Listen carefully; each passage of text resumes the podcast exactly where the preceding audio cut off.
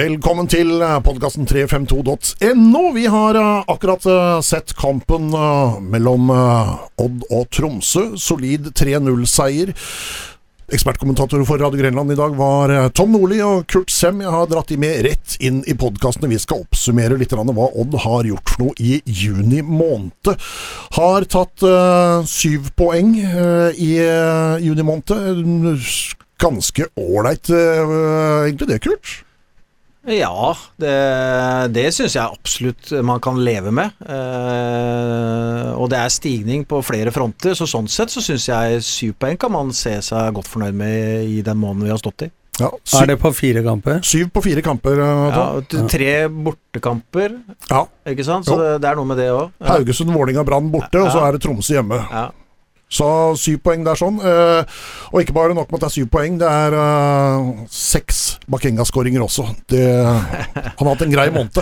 ja, juni vil nok huske, selvfølgelig. Uh, og det Uh, ja, det er, det, er, er, flere Det henger jo sammen dette her med at Bakenga på en måte blir litt sånn utløsende for hele Odd-laget. Det har vært en positiv utvikling på flere fronter, men det er, det er Bakenga som er månedens spiller, selvfølgelig.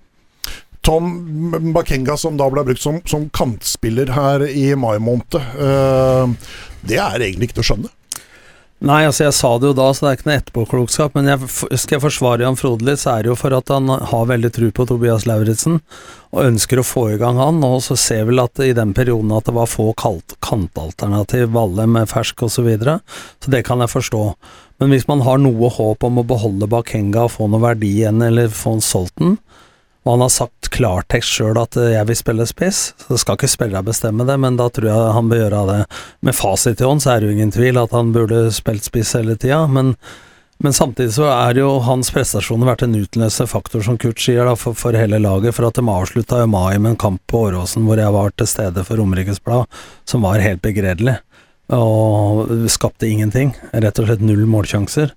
Så det har jo vært klar stigning etter det, med tre bortekamper som nevnt her. og og Golla renner inn, og så får vi håpe at det er flere som melder seg på skåringsstatistikken, så ikke laga begynner bare å ta ut uh, Mors aleine og nekte bakrom osv., for det, da blir det jo vanskeligere. Så skåringer på dødball og litt flere som skårer, vil gjøre det også lettere, tror jeg, for Bakenga å få plass etter hvert. For det er klart at for hver skåring som kommer nå, så kommer folk til å legge mer og mer vekt på å ta den ut. Og så er det et overgangsvindu som åpner nå, gutter. 1.7 så åpner det europeiske overgangsvinduet. Uh, skal Odd få noe som helst penger igjen for, uh, for han, så må han selges innen 31.8. Mm. Sånn det stenger igjen det vinduet der. sånn. Mm. Gjør man det, eller, eller, prøver man å få ny kontrakt her? Du, du, du, vil jo prøve å få ny kontrakt, men det går jo grenser på hvor lenge du skal holde på med det. Og når den deadline er nådd, så må du jo kaste alt i eh, markedspotten, sånn at du får solgt han for så mye penger som mulig. Det er, det, og den deadline kan ikke være veldig langt fram i tid hvis de skal greie å få noe igjen for det som Altså den tida som er igjen. Da. Så er det jo en faktor til, da, for at Mors er jo en redelig fyr, men uh, han kan jo også velge bare å si at han sitter ut kontraktstida. Det er jo en faktor, det også. Det er to parter i en forhandling. Ja, ja. Så det er også en mulighet, selvsagt, og det ville være synd for Odd hvis de ikke får noe igjen for han. Og så tror vel jeg at innerst inne at han tenker på seg sjøl for å få en karriere i utlandet, og det har han fortjent. Samtidig så tror jeg han setter såpass pris på at uh, han tross alt i Odd han har fått fart på karrieren etter Tromsø-opphold osv., holdt på å legge opp osv., som jeg hørte på en podkast. Så, så, det mennesket jeg lærte å kjenne sånn sett utenfra og gjennom intervjuer og alt, da, så tror jeg vel at han har noen verdier i bånn der, så jeg tror vel han håper at både han får et eventyr, og at Odd får noe igjen for han. Så får vi se da om det blir salg i sommer, eller om han velger å forlenge mot lovnader for at han ble solgt etter sesongen, f.eks. Det kan jo også være Hvis jeg hadde sittet i sportssjefstolen, da, så hadde jeg tenkt én, jeg vil beholde den lengst mulig. To, jeg skjønner at han blir solgt. Da ville jeg prøvd å, å fått gjort en avtale med han, at han spiller ut sesongen. Gjerne om han skriver under for en ny klubb eh, og låner den eh, resten av sesongen, eh, eller at han forlenger også at de får igjen på den. Det er tre alternativ. Altså det, det, fjerde er jo at hvis spilleren ikke vil forlenge, og han sitter der ut kontraktstida, og ikke Odd får noe igjen for den. Men, men er ikke der Odd har vært naive? Altså, eh, og er naive kanskje litt også, nå føler jeg i den situasjonen. Altså Hvis Odd skal komme opp og få solgt spillere, så må de på en måte bruke dette vinduet til å selge Bakenga eller å forlenge avtalen. Hvis ikke de gjør det, så har de igjen bomma på strategien sitt. Jeg kjøper det at Bakenga er en fin fyr, og du kan stole på at han har lyst til å gi klubben penger tilbake. Men det, det, jeg tror ikke du skal bruke det som en uh, spillersalgsmodell, og så fins det unntak på det. Jeg ville på en måte stramma opp det apparatet rundt det der med salg og kjøp, og brukt Bakenga som en brikke til å på en måte lære seg noe, hvordan den der kynismen fungerer. Men, For det er et kynisk kjøttmarked. det men, men så ikke misforstår, det er jeg totalt enig i, Kurt. Ja, ja. Men jeg sier at det er en mulighet der for at spilleren velger å bare sitte ut kontraktstida, og da Odd kan ikke gjøre noe med det. Nei. Men det er klart at hvis de signaliserer at uh, vi selger deg enten nå eller etter sesongen, hvis du forlenger, sånn at vi får mer igjen for deg. Men så er det noen spillere som tenker sånn også, at det spørs på alderen. Hvor gammel er han nå? Ja, Mush er uh, 26? Ja. Nå skal vi se sånn, jeg har jo det her. Uh, Men på et eller annet tidspunkt da, mens du leiter, så, så går jo toget. Og det, og det, er klart 28, at, han er født i 92. 28, ja, da er det ikke så mange utenlandstog. 29. august. Ja, så er det ikke mange utenlandstog som eh, går igjen for han, så må han være på perrongen. Det er også en vurdering her, ikke sant, fra, fra hans side. Men jeg er helt enig i det at eh, skal Odd i framtida eh, gjøre som Molde og Sarpsborg og flere, så, så, må man sørge for å forlenge kontrakter på et tidligere tidspunkt. Og da ikke vente til det er seks måneder igjen osv., hvor man står fritt og signerer med, med å nå veit jeg ikke, de har sikkert prøvd med Bakenga, men altså å selge da før det er eh, det siste året av kontraktstida, hvor agenter og alt begynner å trekke i tråder osv. Ja, og den tida går fort. Fra ja. du måte Det siste året, det går fryktelig fort. Og der har Odd bomma mange ganger. Og det, jeg er glad i Odd, og jeg liker Bakenga og alt dette her. Men det er der man har vært for naive. Vi sitter litt med lua i handa og håper at det ordner seg, ikke sant? i stedet for å gå inn og være brutal, for det er markedet de jobber i når det gjelder kjøp og salg. Det er enkelt og greier, det handler om penger. Eh, og så, så, er det jo vanskelig med en spiller som Bakenga, da, i og med at han har, har den historikken han har. Så er det vanskelig også eh, gi han noen voldsomme kontrakter eh, i fjor på denne tida her sånn. Hva, ja, visste, visste du ikke hvor det kom til å ende? Om han kom til å spille fotball i det hele tatt? Nei, det kan du godt si, men da da, du må i hvert fall ha en klar strategi. da, altså Lage, lage en prestasjonsretta kontrakt, da, ikke sant. Men du må i hvert fall ha, når du går inn til de forhandlingene, så er dette her det Odd kan tilby. Og hvis ikke det er en pakke som begge kan leve med, så er jo da deadline eh, greia, og du da må ut i et marked for å selge. Så til neste gang så kanskje mer å tilby til nestemann som kommer opp i den posisjonen. Børven var jo litt i samme situasjon, og det fins masse eksempler på der Odd har bomma på ja, både spillersalg og spillerkjøp, det er jo der de kanskje har mest å hente. Uh, fordi at det er jo en klubb som du utvikler deg i, og så har det stoppa litt opp. De går kontrakten ut, og det er også Jeg er litt eh, sånn Sander Svendsen også, hva skjer med han liksom også? Er det også en spiller de bare skal sørge for lønna til, eller er det også en ambisjon om å selge? De kan ikke holde på med det, for da Men er, er, er Sander Svendsen på lån, eller er han kjøpt? Han er på lån ut august. Ja. ja. Så de må gjøre noen valg også. Og det er da igjen tilbake det med spillestrategi på hvordan du skal løse For det er, det er en av de tinga Odd har mest å gå på. Det er, det er spillelogistikk. Hvis du husker, Sånn som Molde Bodø-Glimt driver litt nå, da, hvis du husker Rosenborg i gamle dager, for dem som har levd litt, så var det læring fra egentlig spillere, men det var så skjult læring. Hvis du husker eh, måten Runa Berg kom inn på uh, i, uh, i Rosenborg, så kommer han inn, for de veit at Trond Egil Soltvedt, for dem som husker han, skulle bli solgt innen et år. Og så får Runa Berg fem minutter, ti minutter, en halvtime, en omgang osv. Og, så og så blir Trond Egil Soltvedt solgt til Coventry, og da er Runa Berg klar. Jo, men det er sånn som Bodø-Glimt driver med nå. Bodø-Glimt, ikke sant. Ja. At når eh, eh, han eh, Laoni går, så er Jens Petter Hauge klar. Ja. Så de tenker altså hvem skal ta over plassen, og når han tar over, så henter de en ny en. Tonekti fra Tromsø f.eks., som skal vokse inn i den rollen. Mm. Og jeg tror at hvis sånn Odd har alle muligheter til å gjøre det, for spillestilen er like nedfelt der som han er i Molde og Bodø-Glimt. En del andre lag som bytter spillestil like ofte som de bytter trenere, gjør at det kan være spillere som passer inn i én stil, og så kommer en ny trener som tenker på en helt annen måte, så har du en god spiller, men ikke til det han skal bruke den til. Hei, men mens i Odd da, så har du muligheten, du veit spillestilen. Det har vært kontinuitet på trenersida i mange, mange år. Spillestilen har vært der siden Lars Borgar og jeg var der. Eh, så det er jo mye lettere å hente inn folk med rolleferdigheter også, da, til en eh, satt spillestil. Både egenutvikling av egne spillere, som yngres, og til å rekruttere utenfra. Og ikke minst da eventuelt låne ut spillere, eh, som, ikke, som stanger litt, da. Som Rosenborg Bodø-Glimt gjorde i gamle dager. Altså Brattbakk var leid ut til Bodø-Glimt. Roar Strand til Molde. Erik Hoftun, osv. Så, videre. Så jeg tror at uh, man har alle muligheter, så lenge den spillestilen har vært i 25 år i Odd, så har man alle muligheter til å ha en kravspekk i bånn. Og så tror jeg at man etter hvert må ansette en uh, sportsleder og en scout som har kontroll på spillelogistikkmarkedet i, i, større grad, da. Uh, som er ute, ute, på veien. Det tror jeg er veien å gå for mange norske klubber, rett og slett.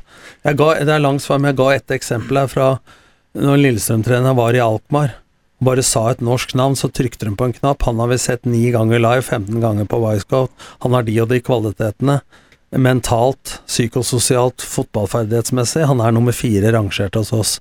Så jeg tror eh, i framtida så er det billigere det enn å så bomme på en to-tre. Men så har det det aspektet med Mushbakenga her sånn da, som, som, vi egentlig ikke har prata så mye om. Nå har vi bare tenkt uh, rundt klubben, hva klubben og hva er best for spilleren, hva er best for klubben. Men, men husk på det, da, at det er Sander Svendsen, det er Josh Kitolano og det er Filip Jørgensen som har skåret hvert sitt mål. Resten av de elleve måla som Odd har skåret, det er Mushbakenga. Hvis du bare lar han spille ut kontrakten altså, han, han, ligger jo i en, en fart akkurat nå på 25 skåringer i år. Mm. Ja, det blir jo en avveining. Ikke sant? Altså, jeg er enig med Kurt der, men det blir jo en avveining hvis de kan vil skrive under og ikke vil selges. Du må vurdere da altså hvor mye er den verdt resten av sesongen, kontra det vi kan få for den. Det er også et regnestykke, ikke sant? Ja, det er klart det er det. Ja. Men, men, men, du, får ikke, du, du, får ikke, den farta der som på en Tobias Lauritzen i den formen han er nå. Nei, men uh, jeg tror allikevel at uh, gevinsten med å selge Bakenga mens han er varm, istedenfor å risikere at han blir skada og at du kanskje havner på tredjeplass på tabellen, den, eh, den ville jeg tatt. Jeg ville, altså, skal du komme noen vei For det, her, det, det, det, du snakker om, det er en sånn følelsesstyrt greie. Om at du kanskje kan komme på topp tre eller fire og få en bronsemedalje. Den er ikke verdt stort økonomisk sett i forhold til å få ti millioner for en spiller. Og det forteller noe også om til, eh, til andre spillere som kommer til klubben. Vi satser på deg, og vi selger deg videre. Det vil, deg, det vil, gjøre deg mye mer attraktiv eh, for de, de, spillerne som ønsker mm. å måte, ta det mellomsteget før de skal ut. Og Her kommer jo et skjæringspunkt. Eh, uh, så lenge det ikke er definert på forhånd om hvordan man driver, så kommer et skjæringspunkt mellom uh, markedskrefter og, og, sport. Ikke sant? Men ja, vi, ja. hvis det er definert på forhånd, altså, så det ikke blir noe delaveris-saker osv., osv., og så, så, må jo de trenerne som eventuelt er ansatt eller blir ansatt i framtida, vite at sånn er det her i Odd. Vi er en utviklingsklubb, en selgende klubb som er oppe og nikker på medaljer en gang iblant.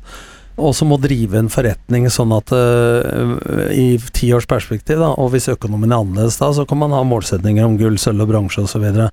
Men, uh, men det skal gå rundt der, og da må man gjøre som Kurt sier, da. og så må sport være enig i det. Men det er vanskelig at hvis trenere er ansatt på andre premisser, og så skal du begynne å diskutere dette fra case to case. Så dette må være en grunnleggende forretningsmodell og en sportslig modell i bånn, som må ligge der.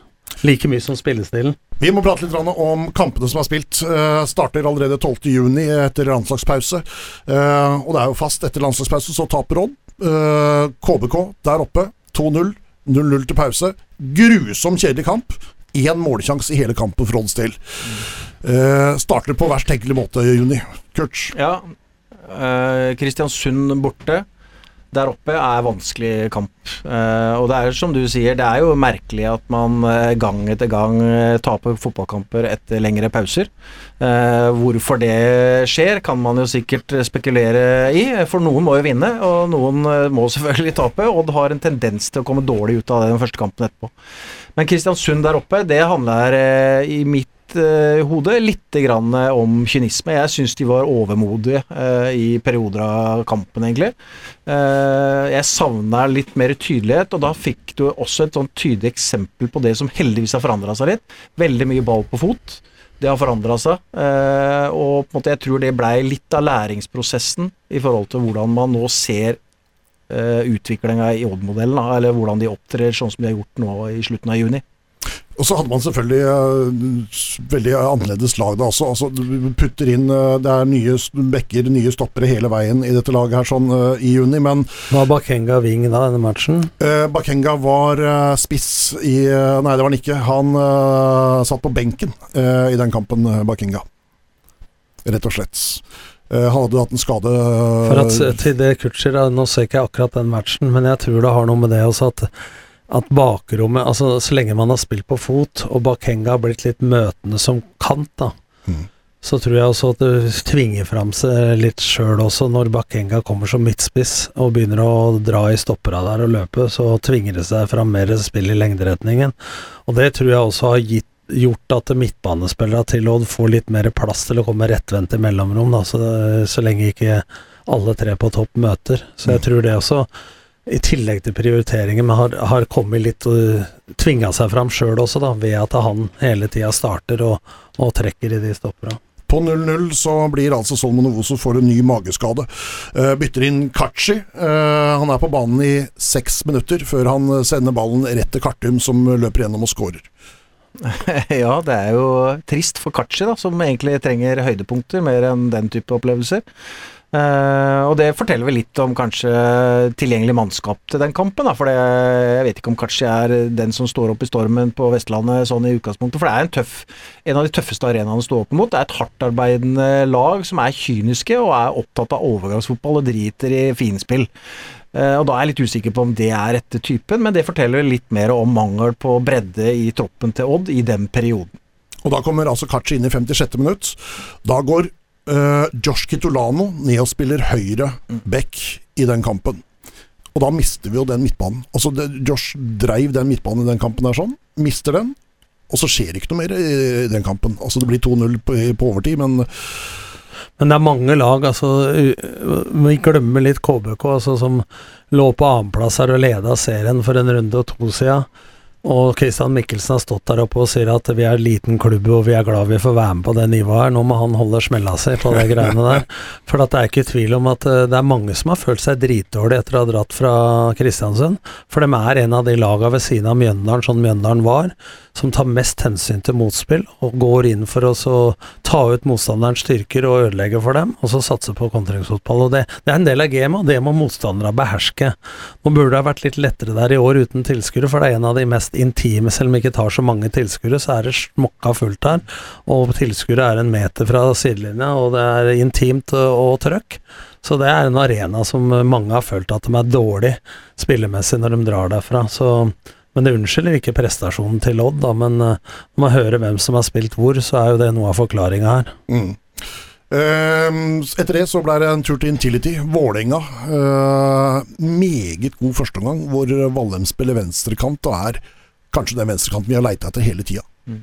Ja, og det er to lag som kjenner hverandre veldig godt, uh, og de tar hverandre litt ut av kampen. Fordi at det er jo ingen av de som vil forandre på noe, selv om de vet hva motstander vet om de selv. Ikke sant? Så det blir det veldig sånn eh, Det blir litt sånn enkeltspillerne som greier til slutt å prege det kampbildet, spesielt i første omgang. Så syns jeg det er, gjør kanskje noe av det bedre de har gjort i år. Eh, det er en meget bra fotballkamp.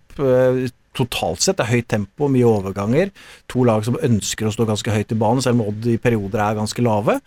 Så det, så det, det, det syns jeg er noe å henge lista på i forhold til Odd, hvor Odd ønsker å, måte, å prestere på. Da. Men øh, de har jo litt tur i andre omgang, ja. hvor de henger litt i tauene og blir spilt fryktelig lave, som de gjør i perioder i en del andre kamper òg. De blir fryktelig lave, vi var så vidt inne på det i dag også. Så de har noe å jobbe med der i forhold til å kunne stå opp imot det, selv om, det litt, altså selv om de legger seg lavt, da, ikke bli for lave. Det er mange lag vet du, som sier at det er lettere å presse høyt. Eh, det rare er at når du presser lavt, og det er mindre rom mellom lagdeler, spesielt i bak egen backrekke, i eget bakrom, så blir folk mer passive. Egentlig så burde du snu på det, for at eh, du bør tørre å gamble enda mer eh, lavere i banen, for du har jo så mange folk på rett side, eh, og, og, lite rom da, mellom eh, deg og målet. Men så det er forskjell på å presse lavt og stå lavt. Og i de periodene de blir for lave, det så vi litt tendens til i dag og før det ble 2-0, at eh, Tromsø var på vei inn i matchen så, så blir man stående i riktige posisjoner rent sånn på taktikkbrettet.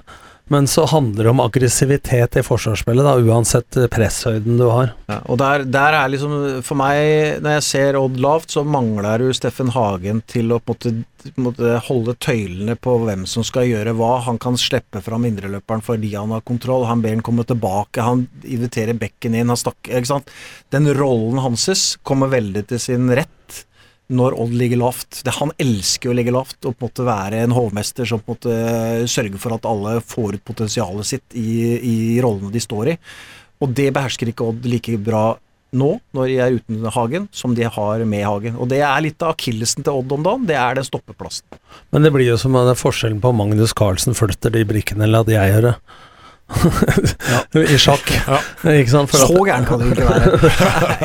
jeg nulla meg sjøl litt ut der. Men, men, poenget, da Jeg støtter poenget til Kurt der, i forhold til at uh, han har spilt så mye kamper at uh, det er sjelden han ser akkurat der ballen er, men han ser liksom posisjonen hva som kan skje om ett eller to trekk rent defensivt, og flytter på folka i forhold til det blir det 1-1 i den kampen der sånn. Og så er det jo det som alle husker etter denne kampen, blir jo taklinga til eh, John Kitulano på Aron Dønnum. Mm. Uh, og så er det selvfølgelig da maks ironi i at det er uh, John Kitulano som har assist til skåringa til Bakenga også, mm.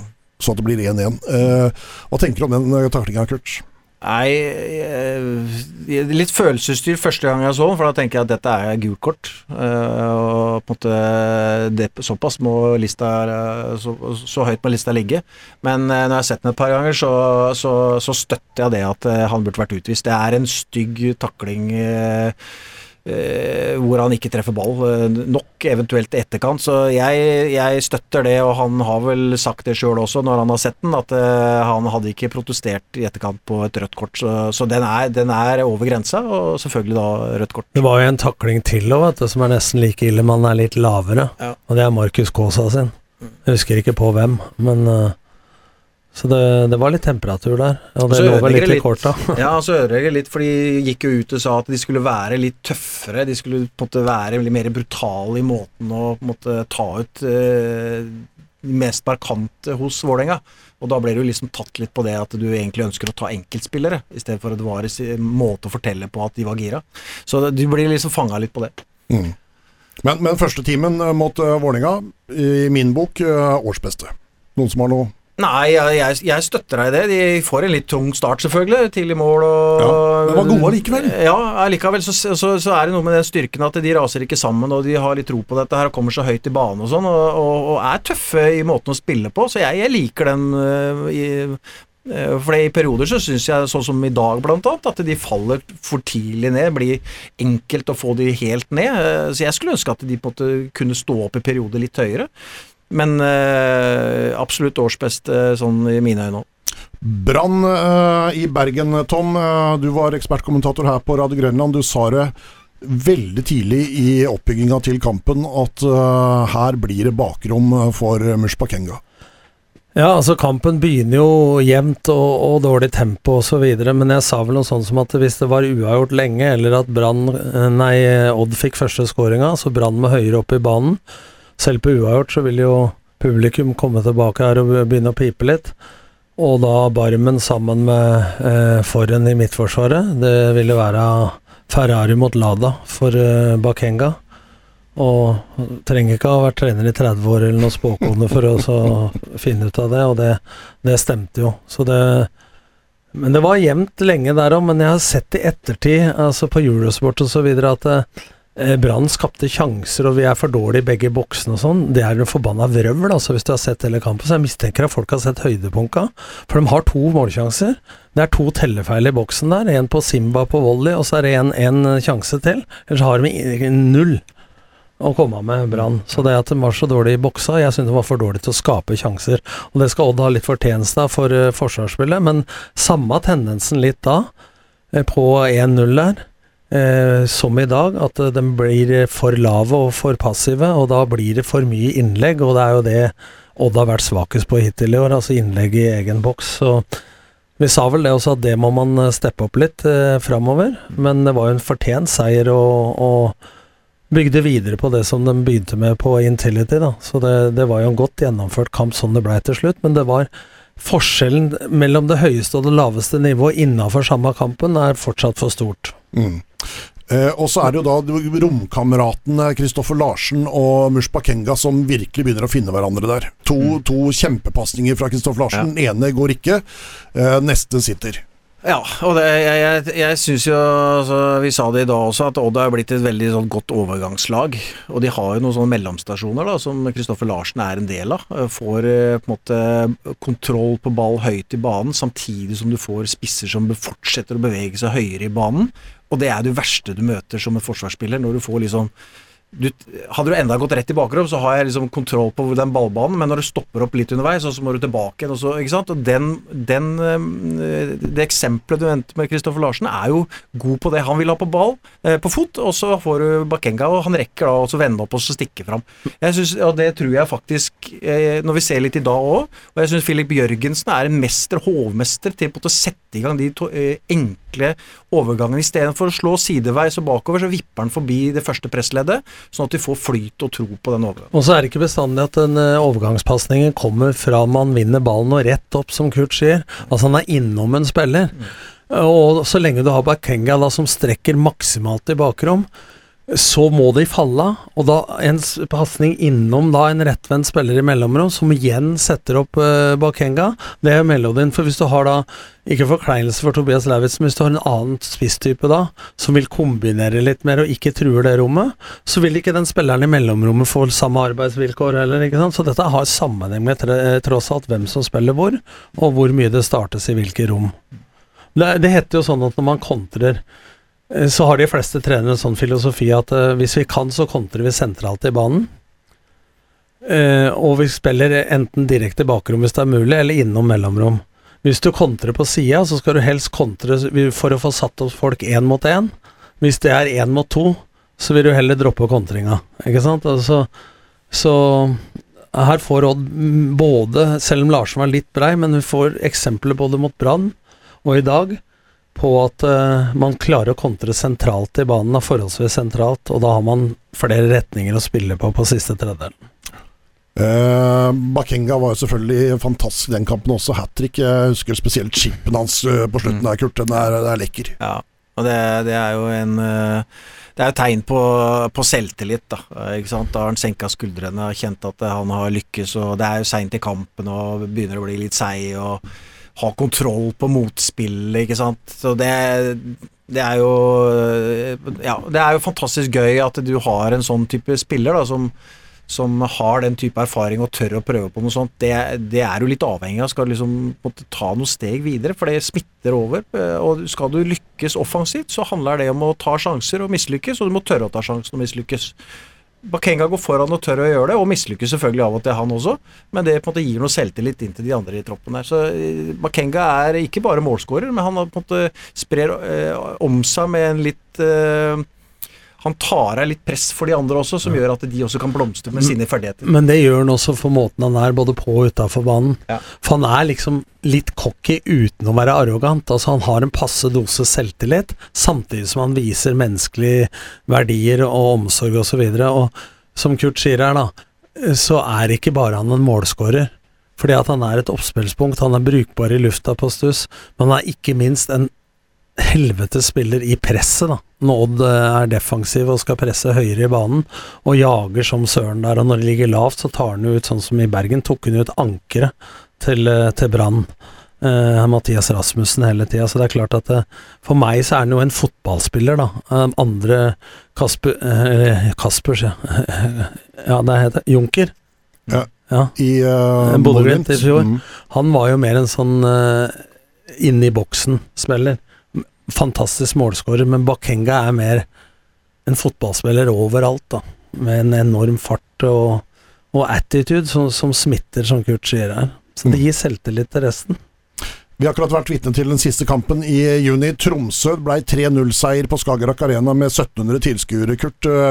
Det, det ble jo nesten en maktdemonstrasjon til slutt, selv om kampen i utgangspunktet var ganske jevn. I hvert fall på statistikkmessig. Ja, derfor blir det sånn maktdemonstrasjon uh, i mitt hode. Sånn som jeg har sett kampen, så føler jeg ikke at det er en maktdemonstrasjon. Men jeg, altså, det er en altså, tallmessig overlegen seier, og Odd har jo kontroll på kampen i lange faser fordi at de leder og får det første målet, blant annet. Men siste kvarter så er jo Tromsø dønn tomme. Det kan altså, du si, de men, men det, det, er jo, du blir jo prega av resultater, heldigvis, på en måte. For det er jo litt mentale prosesser her også. Uh, og, og Tromsø har en periode i andre gang de må fram fordi at det er siste halmstrået. Og så bruker de alt av krefter det, og så svinner det bort, da, selvfølgelig. Men jeg, jeg, kaller det ikke maktdemonstrasjon, jeg kaller det solid håndverk, for å kalle det det. De har, de har, en god plan på det offensive spillet sitt. De har en god plan på den defensive måten å løse det på. For det er ikke noe enkel kamp å spille mot et sånt 5-3-2-lag. Det, det, det, er litt ut av posisjon for mye av det spesielt defensivt som er vanskelig å forholde seg til. Jeg syns de løser det veldig bra, og det er, det er et tegn på at de er godt forberedt for den kampen der, og derfor kaller jeg det solid. da. Og så har vi etterlyst om at, at det må komme mer skåringer og sjanser fra midtbanespillere. Eh, avslutninger utafor boks. I dag fikk vi det. Ja, altså man kan bli litt blenda, da, for det er ikke hver dag de skudda fra Bakenga og Kitolano og Josh uh, går inn. Så Sånn sett så blir man fanga litt emosjonelt av, av øyeblikka. Men jeg syns det som forbedrer kampbildet for Odd sin del utover matchen, er at man greier i større grad å få løp inn bak dem, altså utafor de tre sidestopperne. Når de må fram på banen, som Kurt sier, for å lage mål der og bruke krefter på det, så ser man plutselig at det blir plass utafor de tre stopperne, og blir flinkere til å true bakrommet og mellomrommet samtidig. Og hvis du ikke har noen som truer bakrommet, og du må vente til bekken kommer, så vil midtbanespillere få trangere vilkår. Og da blir det mye mer blokkeringer. Så du så jo, selv om de runder noen og tar en tap til høyre osv., så, videre, så har de jo ganske mye rom før de skåringene, de langskudda. Så, så, alt henger sammen med alt, uh, føler jeg da. For at det, du må få Skal du få mulighetene, skal du få bakrom, så må det, noen starte. Da, hvis de faller av, så vil det bli større mellomrom. ikke sant? Altså, du må lage av motstandere lange og breie, da. Og det skjer med bevegelse uten ball. Og jeg sa det sist, at en spiller har ballen to-to og et halvt minutt hver spiller i løpet av en kamp. Da sier det seg sjøl at det er en del bevegelser og valg uten ball som blir viktig, selv om det viktigste selvsagt skjer når du har ballen. Uh, Sju poeng eh, på kampene i juni. Eh, vi har eh, spillere som Bakenga, som selvfølgelig har uh, stråla uh, med, med, seks skåringer. Uh, er det andre spillere som har vært gode i denne perioden, Tom? Josh Kitolano ja. har vært Altså, han gjør så mye som Jeg tror ikke hvermannsen ser det så godt, da. For man ser ofte på dem som har ballen, men hvis du sitter og ser på hva som skjer uten ball, altså måten han løper opp ting for Sander Svendsen i, i, Bergen, altså måten han vinner ballen på, han er fra 16 til 16, og det er også sånn som smitter, vet du, altså det er noen Det ene er atferdskommunikasjon, det andre er å prate se, snakke og bruke beina. Men atferdskommunikasjonen han har med å gå foran som et eksempel, som hele midtbanen gjør, det er veldig smittende. Altså, for det, den midtbanen til Odd nå, det er hjertet i laget, det er dri, drivhuset. Og jeg tror at hvis du får en Magnus Lekvenn opp på midten nå, så, så får de noe annet, men de mister mye av den der motoren og aggressiviteten og beinflyttinga som de har nå. Så den trioen som spiller nå, den eh, er noe av årsaken, mener jeg, til at uh, Odd maler og maler og maler. Men hva, hva, hva, skjer nå da, Kurt, hvis, hvis Espen Ruud nå plutselig blir klar til Mjøndalen-kampen 1.7 mm. Eh, og spiller høyreback? Mm. Eh, Solo er henta til Odd for å spille midtstopper, og blir det da sammen med Odin Bjørtuft. Hva skal vi gjøre med Magnus Lekøen? Nei, det, Hvis du spør meg, så er han jo ikke god nok, da. Altså, jeg ville jo eh, Sånn som du Jeg tenker når som starter nå, Lekven er skada, han starter ikke neste gang. Jeg tenker at det, er, det kommer de til å starte med. Jeg, jeg tror det på ut ifra det de på en måte kanskje velger i dag, og, og Solo også ble jo tatt da. Uh, så jeg tenker at det er kanskje starten. Og så kan det være et alternativ med Solo. Men da er Lekven ute uansett hvilken kombinasjon. Selv om han blir frisk, så er han ute av det laget. Uh, og jeg, jeg det er en grunn til at han kom ned som, som stopper, og det er todelt for meg. Det ene er at de mangla stopper, øh, og det andre er at hva skal de gjøre med Filip Jørgensen? Han, kan, han, er for god til å sitte på benken. Han preger kampene, han styrer tempoet i kampene. Han er litt av motoren i laget, og derfor begynner de å få en ganske god sentrallinje nå, føler jeg. Øh, med Bakenga, Filip Jørgensen og Kitelano.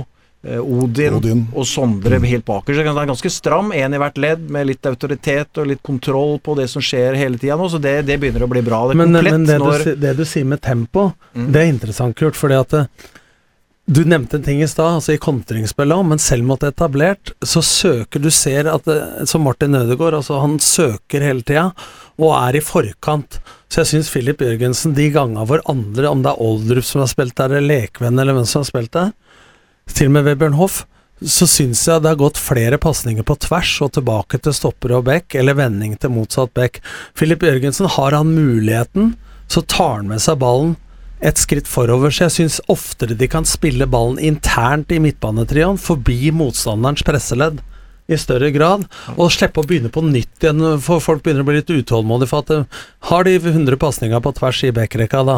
Så jeg syns det er mer fremdrift. Han har litt sånn dirigentrollen, taktpinnen, da, ja. på spillet til Odd, og det også gjør jo at uh, de to bikkjene også får ballen rettvendt. Den er ikke avhengig av å bli spilt opp av stoppere lenger, men den kan bli spilt opp av Filip Jørgensen da, mm. isteden. Ja, men svaret, svaret litt på det har vi, jo fra før av. For vi så jo kampen i mai, hvor, ja. hvor Lekven da er, eh, er sentral uh, midt, ja. og da er Filip indreløper. Mm.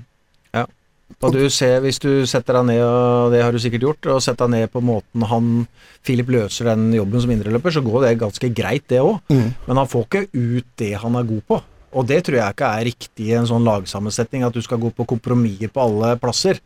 Noen steder må du stramme opp litt, og den sentrale rollen, sammen med stopperne og keeper, er de viktigste rollene for å måte, stramme opp et lag, spesielt defensivt. Nei, det er her jeg er spent på Jan Frode, da. Mm. Og jeg håper han er tøff nok i skallen. For at det er mange Det er kaptein, og det er når Steffen er ute, og så videre. Og det er ikke en ute etter lekvenn, men altså, det er så mange som prøver, og jeg sjøl har gjort det, prøvd å lage en ving av en midtspiss, uh, Ocean osv. Uh, fordi at vi har de beste på banen. Noen ganger kan det være lurt, men når Odd har så klar spillestil, og det å være tøff og rå på å velge spillere i den rollen de har sin, beste, eh, sin spisskompetanse, det tror jeg er overhengende viktig framfor oss. For det handler om hvem som er best sammen med hvem. Hvem har best rytme i samhandlinga, kontra hvem som er best på papiret da, av spillere. Så, så her, eh, det jo, Hvis det ikke blir så mye skader, så er det jo et litt luksusproblem, da, men at jeg håper man er tøffe nok i skallen til å velge de beste rollene, uansett hva man heter, hvor gammel man er, hvor mange eh, kamper man har spilt. Og Det kan jo hende at det kan være positivt for Magnus også, at han måte, kan se det litt fra utsida. For han er en meget god fotballspiller. Det blir ikke dårlig fotballspiller over natta. At han også kan ta til seg litt av de signalene. for det handler om egentlig det spillet som kanskje går litt mer i lengderetningen hos uh, Jørgensen enn det det kanskje går hos Lekven. Jeg har en softspot for uh, Konrad Valle og måten han har kommet inn på laget nå i juni og, og løst sine arbeidsoppgaver. Hva, hva tenker du, Tom? Ja, så Jeg har fulgt med Konrad lenge, for han spilte i Tønsberg og, og gikk til Arendal. Og møtte han og spilte med Skeid mot Arendal osv. Og, og, og er jo en motor, da. Og så mangler han selvsagt litt på, på å tenke fort nok, fordi det går fortere, ja. og på teknikken. Og det går utover valga, men for hver minutt og hver erfaring han får per tidsenhet, så har han en fysisk kapasitet som uh, og blir kjent med spillestilen, så han slipper å tenke når han har fått ballen, men kan tenke før han har fått den, så tror jeg både som indreløper og kant at han kan gjøre en meget god jobb for Odd, og han kommer fra Post Nord. Så sånn sett så må man jo si fornøyd, seg fornøyd med det han har prestert nå i juni. Og fikk vel en megasjanse mot Brann. Ja, også, men det, det er, han bommer vel på ja, den fordi han, ja, burde, han burde ha skutt i lengste hjørnet der ballen kom ja. fra. Men, men, det er sånne valg, da. Men, men poenget er at også må man være litt tålmodig, for jeg tror en sånn spiller vil naturlig variere litt i kvalitet, og så gjelder det også å bruke den i riktige kampbilder, og, og, når formen er der. En spiller som jeg syns kanskje har ikke vært så god i juni som jeg kanskje hadde håpa. Er uh, Har ikke vært dårlig, men jeg forventer mer av min uh, gullgutt, uh, trikseprinsen fra Rabben på Heistad, Markus Kaasa. Ja. I dag virka han litt tom, litt ja. energiløs egentlig under hele kampen. Jeg tenkte litt på det tidligere her, fordi jeg også syns jo det at han blir litt borte i kampene. Uh, og så skal man tenke litt på hvorfor altså Odd har jo kanskje dreid noe mer enn vekk fra den possession-fotballen som de i lengre perioder har vært gode på, sentralt i banen. De er noe mer direkte nå. Og det kan nok prege også rollen til Kaasa. At han ikke blir så involvert og må løpe litt mer. Kan, kan hende at han er litt frustrert på hvor, hvor henger jeg sammen her nå. Skal jeg være en del av det småspillet her, eller skal jeg være med ikke sant? Uh, så, og han virker litt sånn ukomfortabel. Uh, det er mye kikking og litt usikker på er jeg med i den fasen av spillet her nå. ikke sant? Så Å stramme opp det litt, tror jeg det handler om å gå tilbake til basic. Det husker Jeg jeg hadde en prat med Frode før de skulle til Vålerenga. Og da var det litt av prinsippet. og jeg vet uh, Dag Eilev har alltid gjort det når det går til helvete og vært tunge perioder. Det er tilbake til basic, gjøre det du egentlig kan trene på det du kan, og på å tydeliggjøre rollen din. Og Det tror jeg også kan være nyttig for uh, Kosa. For det er en kapasitetsspiller. Det er en spiller som vi snakker om i dag, vi, som kan avslutte fra midtbaneområdet foran 16. Uh, så, så, der ligger det litt uforløst, og det tror jeg du kan stramme opp litt med å på en måte gå opp uh, rollefordelinga sentralt der. Så, så, det er mer spennende enn det er frustrerende, egentlig. Og så har han jo spilt en del kant. Spilt høyre indreløper, venstre indreløper, høyre kant. Så det er klart at det, på sikt så vil jo det gi en alen til sin vekst i forhold til å takle flere roller. Og så må han jo, skal han bli en toppspiller eh, på topp toppnivå, så må han jo kunne beherske forskjellige typer kampbilder og, og tilegne seg eh, Men jeg tror også at eh, såpass mye som dem løp i Bergen, så tror jeg fort også Jeg så nesten ikke i dag i forhold til hva jeg pleier, så tror jeg også det kan ha litt å si at den matchen mot Brann kan koste litt, og at uh, du er liksom 10 seire i, i, i, steget enn det du For de løp mye, altså, den midtbanen uh, mot, mot Brann, så det kan nok ha litt å si, det også. Mm. mm. Sander Svendsen, vi har uh, gitt den mye, mye tyn og skjenn, men kan Han kommer jo til Odd uten kamptrening. Uh, er nå i ferd med å spille seg i form. Så vi en Sander Svendsen i dag som, som, nærmer seg det nivået han uh, Jeg, jeg syns han har for lite målpoeng i seg. Men jeg syns han i dag. Ja, men, jeg synes, ja, men totalt sett ja, er det i perioden i Odd. Og jeg syns at uh, han er en, per nå en type spiller som du kan bruke på hjemmebane eller i matcher du fører spillet. Og du trenger kombinasjoner og noen på den typen. Eh, hvis det er snakk om kontringer og, og ligge bakpå osv. Eh, per nå så har han ikke kapasitet til å være 90 minutter boks til boks, men nå sto han 90 minutter sist. Han gjorde det i dag òg, gjorde han ikke? Jo. Ja. Nei, han bytta ut helt på slutten. Ja. Men, men, poenget er at i dag så løp han jo begge veier. Det gjorde han ikke i Bergen. Og sånn sett så hadde han jo like Han hadde jo en tung kamp i Bergen, han også, så, så, så den sida imponerte meg.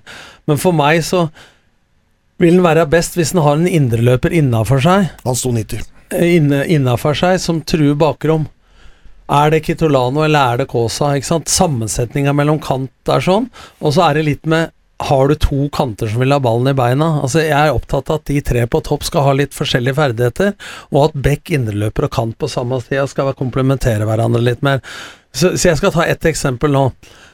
Hvis folk kan skru tilbake for dem som har hørt litt. Når jeg hadde Alex Valencia i, i start Så langt tilbake? Så burde Man ble landslagsspiller, så burde faktisk eh, Doffen Hestad spilt indreløpet innad på han, på papiret. Fordi at han starta i bakrom, han ville ha ballen i beina. På andre sida spilte Fredrik Strømstad og Stefan Berlin. Men så hadde de så god kjemi, Valencia og Strømstad at det trumfa det som på papiret var best. Så det er en del sånne personlige ting også. Du hadde Kristoffer Larsen eh, og Bakenga, som du sa, som prater mye sammen utafor. Det er en del sånne faktorer også som, som kan ha litt å si. Men på rent sånn fotballmessig da, så er mitt spørsmål hva slags type indreløper skal spille bak og innafor Sander Svendsen. I mitt hode da, så er det mer Kitolano enn Kosa. Hvis du hadde hatt en gjennombruddskant på andre sida med, med eh, med Kåsa der, da. Ikke sant? Altså, men, men, dette ser den ja, som sånn, trenere hver dag. Men nå snakker jeg om grunnleggende teorier her, da. Som vi så i fjor, når eh, Markus Kåsa egentlig gjorde El Barashani god. Ja. For det gjorde han. Ja. Som er mer gjennombruddsvis. Så det er sånne smådetaljer som det, Når spillestilen er satt, så er jo det den der feinschmeckinga der som er litt spennende, da, for å få alle til å fungere optimalt. Og hvis ikke Kåsa nå funker, da, kan det være en switch på side, bare. Altså mm. Det, det, er jeg enig i. Og så tenker jeg at uh, i dag så spilte de med to veldig sånn, like typer, og da blir de litt ofra for det. Så jeg tror Odd trenger uh, en type som Sander Svendsen. Eh, for å ha et sånt spillepunkt høyt i banen. Vi snakka litt Kristoffer Larsen tidligere mot Brann. På veien til å kjøre overganger, til veien inn i bakrommet sånn, så er det avhengig av en type som er trygg med ballen på fot, og det er alle de gutta her på midtbaneleddet, bekker og midtstoppere. De kan gi en dit, de vet at den blir værende der, og så kan det andre skje. Den, den holdeplassen der er avhengig av om det han heter Sander Svendsen eller noen andre, det er ikke så farlig for meg, men jeg syns han begynner å fylle den rollen da, som på en måte du er avhengig av for å få flyt på det, den måten man spiller på. Mm. Men spørsmålet er om du da uh, skal ha samme typer på begge sider. Nei, det er, det, det er jeg enig i. Og det ja. kan, er ikke sikkert det er like smart alltid. For ja. Eh, det gir uh, Hvis du har litt forskjellige typer, så kan du bytte side og litt sånne ting. Så du mister litt uh, alternative måter å stokke på. For folk er veldig opptatt av innoverkanter i norsk fotball for tida. Jeg var opptatt av gjennombruddskanter. Men det kan være lurt noen ganger å ha én av hver, da. Mm. Så spørs det, har man det i stallen? Ja. Før jeg skal slippe dere av gårde, gutter, så må vi eh, se litt framover også, for eh, juli kommer nå. 1. juli er første kampen. Starter borte mot Mjøndalen. Eh, deretter så blir det kamp hver, altså i snitt hver femte dag i juli. Altså det skal spilles seks kamper i juli. Eh, Rosenborg hjemme, Molde borte, Viking hjemme, Godset borte, Sandefjord hjemme. Altså, altså denne rekka med Rosenborg, Molde og Viking der, det er eh, kan bli tungt, Kurt. Ja, det er, men skal ikke de ut under Europacup og sånn, noen av de laga? Er ikke litt andre de har, de har, vel så tøft program, de, selv om kanskje noen av de laga har litt breiere stall og sånne ting. Så jeg er ikke sånn, jeg ser ikke så mørkt på det i utgangspunktet. Eh, jeg tror man har grunn til å glede seg over det. Man slo Bodø-Glimt hjemme, så man vet jo at man kan eh, det. Og man begynner å få litt orden på det defensive spillet, da, som ofte er Hvis du skal til Molde, så må du ha orden på det. Så jeg er ikke sånn kjempebekymra for det. Det overgangsspillet begynner å sitte. Det er kanskje den etablerte fasen som de har litt å gå på det siste tredjedelen i forhold til relasjoner og rollemønster og sånn. Men jeg syns det er spennende, og det, jeg syns det lyser litt sånn selvtillit av den gjengen der også nå, som uh, avslutter fra midtbane istedenfor å spille det alternativet de hadde valgt i motgang, helt garantert. Eh, så, så, jeg gleder meg litt til det, men Mjøndalen borte det er kanskje en av de vanskeligste de skal gjennom de første, neste fire-fem kampene. Ja. Og når du møter, når du møter Viking, da, så, så veit du ikke om du møter uh, Berisha og Tripic og Løkberga-gutta på en dag de har en god dag, så er det jo et helvete å møte Viking. Og dagen eh, gangen etterpå så taper de jo med tre mot uh, Sandefjord. Altså, så dem er veldig ustabile. Så jeg tror ikke man skal tenke så mye på hvem man møter, men sånn på papiret, da, så bør du ta poeng mot Mjøndalen, for da kommer liksom Rosenborg, Molde og, og, Viking på rad. Mm. Men uh, det er mange som har spart spillere i visse kamper, for vi skal ta poeng i den neste kampen ja. osv. Jeg tror det lønner seg å karre til seg flest mulig fortest mulig. Ja. Eh, Rosenborg tapte eh, for Strømsgodset, tapte hjemme for Sarpsborg 08. Er det sånn at det er faktisk Mjøndalen som blir det tøffeste av de to første her nå, ikke Rosenborg? Altså Det blir jo tøft på Mjøndalen. Altså Det fortet der jeg har Odd dårlig erfaring med fra tidligere. Så Sånn sett så, så er det en kamp. Eh, og jeg syns Mjøndalen virker sterkere i år enn det de gjorde i fjor. Det er, det er mer tydelighet i det lille jeg har sett av Mjøndalen i år enn det det var tidligere. Jeg syns det er eh, et bedre fotballag sammensatt også. Det er ikke bare dødball og lange baller og klink i boks, liksom. Det er en del bedre fotballspillere som, som har veldig tro på det de driver med. Og sånne lag er kjempevanskelig å møte. Du skal ikke senke deg stort for å, gå i fella der. Mjøndalen har ennå ikke tapt på hjemmebane på Konsto Arena, og vi hadde jo Lars Jørn Fredriksen her inne som ekspertkommentator i uh, kampen mot uh, Ja, hvem var det? Uh, mot Vålerenga, eller var det Haugesund? Spiller ingen rolle. han sier at han har prata med Vegard Hansen, som han har spilt sammen med. Vegard sier at dette er mest sannsynlig det beste laget jeg har trent noen gang. Ja, så er det litt spennende med Mjøndalen, da, fordi de sa jo før sesongen at nå skal vi bli en selgende klubb, vi skal satse mer på lokale unggutter. Og vi skal ha, velge én formasjon og spille i det. Og jeg er helt enig med ham at han har bedre mannskap enn noensinne, men jeg har vel fortsatt sett at Mjøndalen sammen med Kristiansund er et av de lagene som tar mest hensyn til motstanderen. Så at de kommer til å kaste langt og trøkke inn på dødball osv. Men, men det er et leit lag å møte, altså borte på Konsto Arena der. så det er ikke noe sånn å tenke at Mjøndalen er walk in the park. Altså, her er Hver kamp har sin egenart, eh, rett og slett. Så her handler det om å være godt forberedt i forhold til det gjette et kampbilde. Hvordan blir motspiller bli, eh, antageligvis. Og så være forberedt på én eller to typer av det. Eh, sånn som det virka som det var godt forberedt i dag mot en 3-5-2-5-3-2-formasjon. Eh, Kurt, eh, Rosenborg, Viking og Sandefjord på Skagerrak Arena. Hvor mange poeng blir det ut av det? Syv. Det blir syv, ja. Blir det ikke det? Jo. Er vi ikke, er vi ikke optimister? Ja. Uh, Syv. Tom? ja Rosenborg, Viking, Sandefjord på Skagerrak Arena. Det bør bli seks, i hvert fall. Ja. Eh, men at Rosenborg eh, Det er jo ikke noe fryktinngytende for tida, det. Annet enn på navnet og, og papiret. Mm. Det er uh, 20 stil For Hareide sliter om dagen. Ja, det er 20 stil og mindre innhold. Ja. Uh, så det er ikke den samhandlinga som før, men det er klart de har gode enkeltspillere osv. Men uh, kunstgress her Nå møter de Lillestrøm i, i morgen. Tett til spill, vel da, siden det er gresskamp igjen. Men det er et eller annet som ikke stemmer der. og Verken i angrepsspillet Jeg syns de har dårlig midtspiss, og jeg syns midtbane Bortsett fra Zakariassen, så har midtbanen underprestert, så det er ikke noe umulig oppgave for Odde. Kommer Rosenborg til å hente tilbake Inga? De skulle i hvert fall aldri solgt Børven. Nei, men altså, jeg mener altså, hvis du bruker 2,5 millioner på å få Børven tre uker før, og så var jo ikke Åge der da, men så gir hun en eller to kamper fra start, og så satser du på Islamovic. Altså, hvis du kjenner litt til Børven og spillestilen han spilte sånn, så må du jo mene noe med en sånn overgang. Og jeg mener de uh, landa på å selge feil mann. Mm. Men vi må jo ha med deg også, Kim. Du må jo mene noe om eh, de tre kampene, du også? Eller? Jeg er programleder. Ja, ja nei, du, du, har jo sterke meninger, så det der er bare skalkeskjul, selvfølgelig. Så vi har noe på en måte å speile det mot. Ja, jeg, jeg, jeg, tror ikke det blir mer enn fire, men uh, Akkurat. Så vi er der, ja. Der har du meg. du mener de slår Sandefjord og spiller uavgjort mot Viking og taper mot Rosenborg? Nei, jeg tror de taper mot Viking og spiller uavgjort mot Rosenborg. Ja. Tror jeg. Okay. Ja. Uh, Mjøndalen, Molde, Godset borte, Kurt. Uh, poeng, er det det du vil ja, ha, eller? Ja takk. Ja, uh, Mjøndalen, uh, og så var det Rosenborg? Nei, Molde, Nei. Molde og Godset. Molde og Godset. Seks. Jeg jeg er litt offensiv, jeg nå. Også. 13 poeng i juli fra Kurt Søm ja, der. Jeg likte Jeg ser tilbake på samme tid i fjor. Det løsna litt. Ja, gjorde det. Ja, han har en målskårer. Spillere på vei tilbake, muligens. Ja. ja. Tom? Tre poeng. Tre poeng. Ja.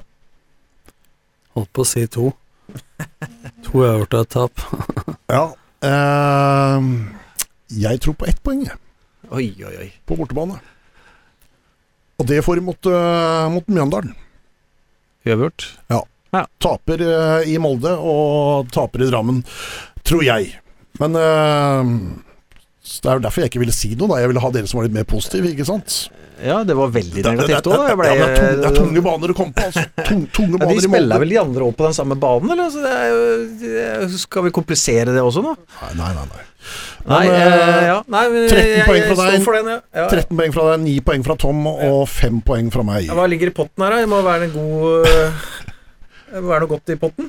Ja, jeg må uh, kaste med Pepsi Max, da, siden Tommy er, siden Tom er med her også, okay. som avholdsmann. Uh, ja vel, da har vi fått uh, fasiten på det. Uh, gleder meg til, til, juli. Vi starter allerede til torsdag 1. juli. gi terningkast på hvordan trenerteamet til Odd har klart seg i juni, Tom.